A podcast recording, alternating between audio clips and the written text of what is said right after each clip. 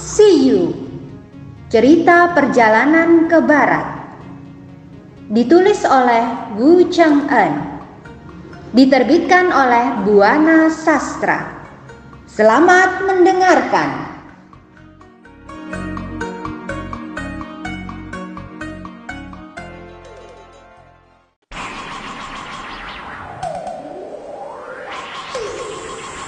Aku tahu apa yang harus dikerjakan. Kalian berdua tunggu aku di sini, kata Wukong. Sesudah itu, Wukong mengeluarkan toyanya dari balik telinga. Sesudah toyanya dijadikan besar, ia segera melompat ke arah rumah itu. Sampai di depan rumah itu, ia melihat sebuah benda putih seperti tambang melilit mengelilingi rumah itu. Tetapi ketika ia mencoba memegangnya, Ternyata benda itu sangat halus dan lengket sekali. Akan ku hajar benda ini, pikir Wukong. Tapi ketika akan mengayunkan toyanya, tiba-tiba ia teringat sesuatu hingga ia membatalkan niatnya. Ah, aku lupa. Kalau barang itu keras, tentunya akan patah bila ku hajar. Tetapi, andai benda ini lunak, Jangan-jangan suara toyaku akan mengagetkan penghuni rumah. Jadi kupikir semua itu akan percuma saja. Lebih baik sekarang ku selidiki dahulu, pikir Wukong. Sesudah berpikir demikian, Wukong membaca sebuah mantra. Mantra itu membuat dewa tanah yang ada di rumah itu jadi berputar-putar. Melihat suaminya berputar-putar tanpa henti, istri dewa tanah itu menegurnya. Kenapa kau berputar-putar bagi orang sinting? Tanya sang istri.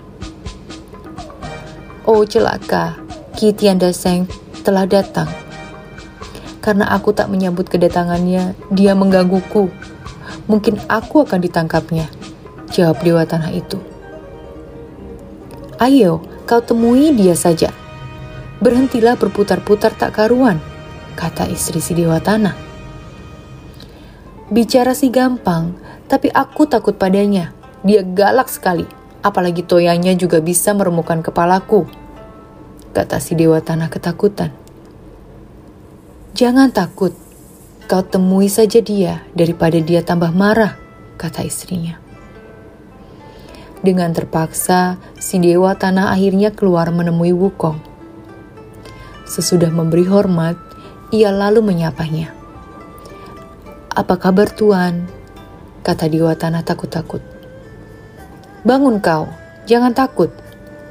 Aku datang cuma ingin bertanya kepadamu. Tempat ini apa namanya? Kata Wukong. Memangnya Anda dari mana? Tanya Dewa Tanah. Aku dari timur mau ke barat, kata Wukong singkat. Kalau begitu, Anda mengambil jalan dari bukit sana. Benar, di sana pun masih ada dua saudaraku berikut kuda dan barang-barang kami. Bukit itu bernama Bukit Pansi, kata si Dewa Tanah. Sedangkan di kaki bukit itu ada gua bernama Gua Pansi, tempat tinggal tujuh siluman. Siluman perempuan atau laki-laki? Tanya Wukong. Siluman perempuan. Bagaimana kepandaiannya? Tanya Wukong. Karena aku lemah, jadi aku tidak tahu kekuatan mereka. Jaraknya hanya tiga li dari sini. Lagi pula, di sana pun ada sumber air hangat bernama mata air kebersihan. Sebenarnya, dahulu tempat itu adalah tempat pemandian tujuh bidadari. Tetapi setelah seorang siluman perempuan menguasainya, tujuh bidadari yang mengalah segera menyerahkan tempat itu pada ketujuh siluman perempuan itu. Kupikir jika Dewi saja mengalah, sudah pasti mereka lihai sekali, kata Dewa Tanah. Untuk apa ia rampas tempat itu? Tanya Wukong. Ya, untuk mandi. Biasanya mereka mandi tiga kali sehari.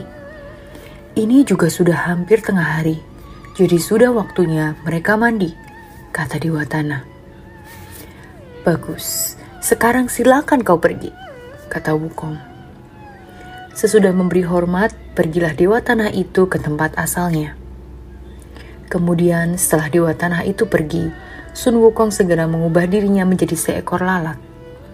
Sesudah itu, ia pun lalu terbang dan hinggap di sebuah pohon untuk menunggu kesempatan baik. Tak lama kemudian, Sun Wukong mendengar suara seperti ulat sedang makan daun. Makin lama suara itu semakin keras, tak ubahnya bagikan ulat yang bergelombang.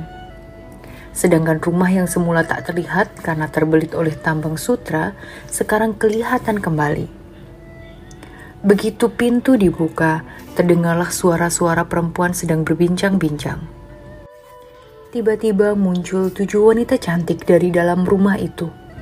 Mereka berjalan sambil bergandengan tangan. Melihat hal itu, Sun Wukong yang menyamar jadi lalat tersenyum sendiri. Pantas saja guru berkeras mau pergi sendiri untuk meminta amal. Ternyata pemilik rumahnya cantik-cantik, pikir Wukong. Tapi kalau sampai guru ditahan seminggu oleh mereka, ku yakin guru pasti kurus kering karena diajak kencan terus-menerus. Waktu Wukong akan bertindak, tiba-tiba ia berpikiran lain.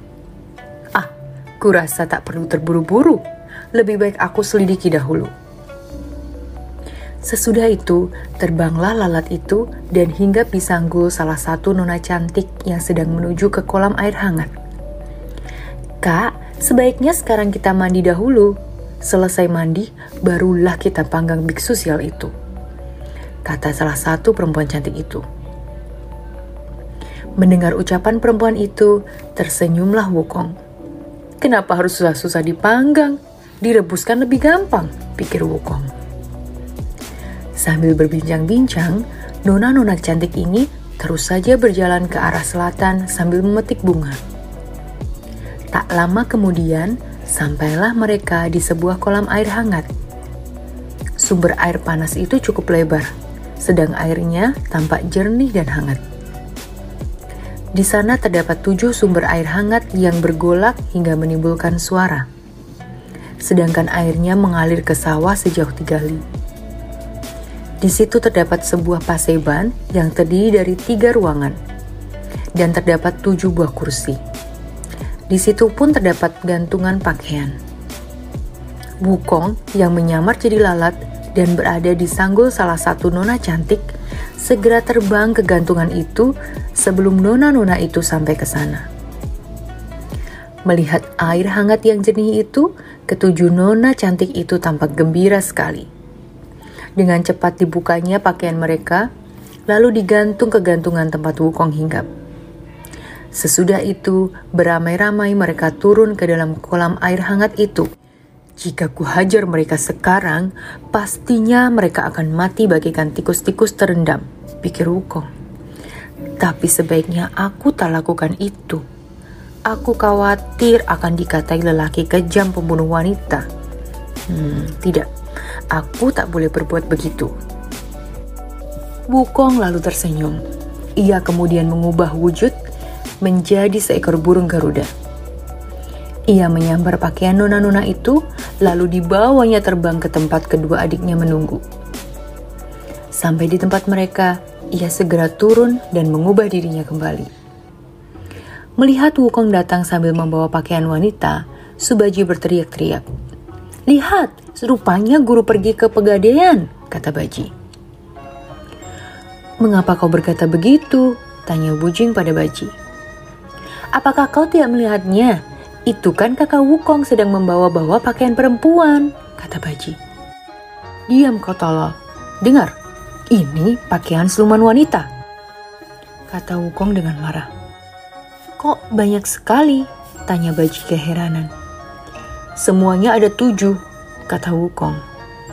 Mendengar kata-kata Wukong, Baji tertawa terpingkal-pingkal. Tapi tak lama Baji bertanya lagi. Bagaimana caranya hingga kau bisa membawa pakaian perempuan? Kenapa pakaian itu bisa ada padamu? Baji penasaran. Wukong lalu mengisahkan pengalamannya. Siluman itu ada tujuh, semuanya perempuan. Setelah Dewa Tanah di sini memberitahuku bahwa siluman-siluman itu suka mandi, lalu kuintai mereka. Ternyata mereka benar-benar pergi ke sumber air panas itu. Jadi saat mereka mandi, aku mengambil pakaian mereka. Sekarang pun mereka pasti masih berendam di air panas tanpa pakaian, kata Wukong mengakhiri kisahnya. Tentu saja, bukankah mereka merasa malu kalau naik ke darat tanpa pakaian? Kata Wu Jing. Mendengar kata-kata Wu Jing, tiba-tiba Wukong tertawa. Kau benar, Dik, kata Wukong. Lalu, bagaimana selanjutnya? Tanya Baji. Sekarang, mari kita pergi ke gua mereka untuk menolong guru. Mereka bilang hendak memasak guru setelah mandi, kata Wukong. Kakak, kau selalu bekerja tanggung-tanggung. Kenapa kau tinggalkan ketujuh siluman itu dan tak membunuh mereka? Padahal kau bilang mereka tak berani naik ke darat karena tanpa pakaian dan ini matahari masih terang. Jadi bagaimana kalau hari sudah malam dan mulai gelap?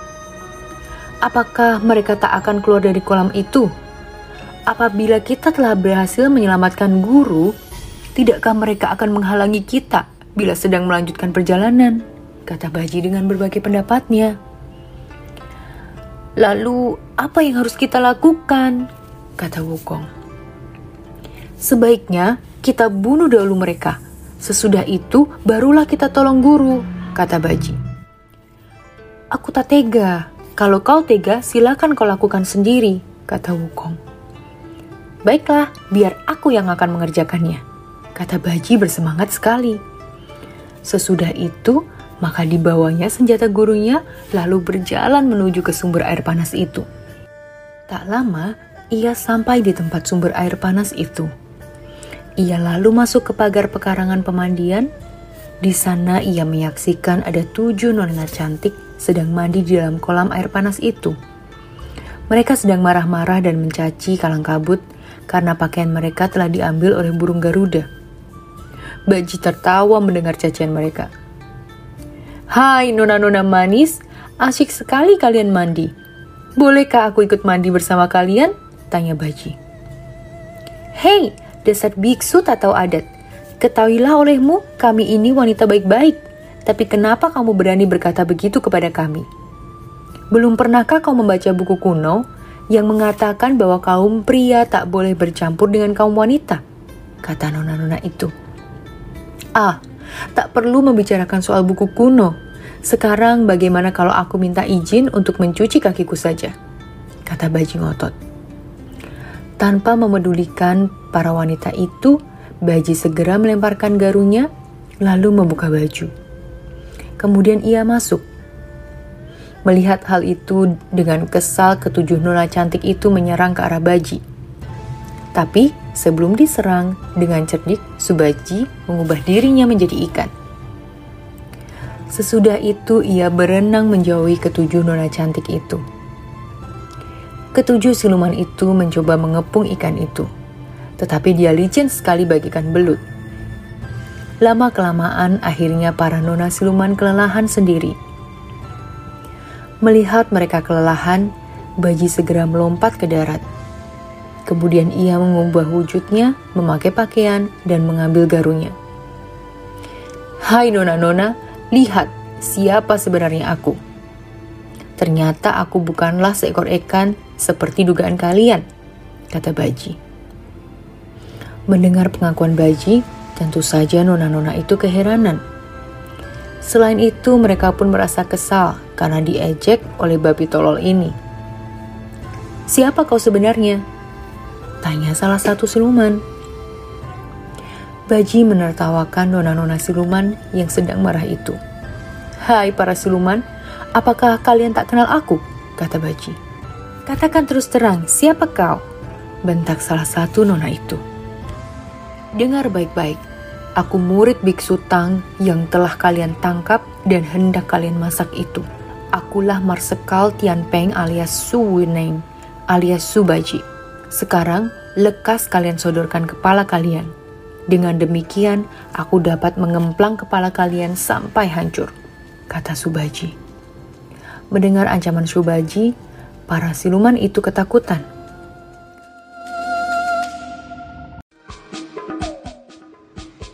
Dengarkan kisah selanjutnya. Terima kasih.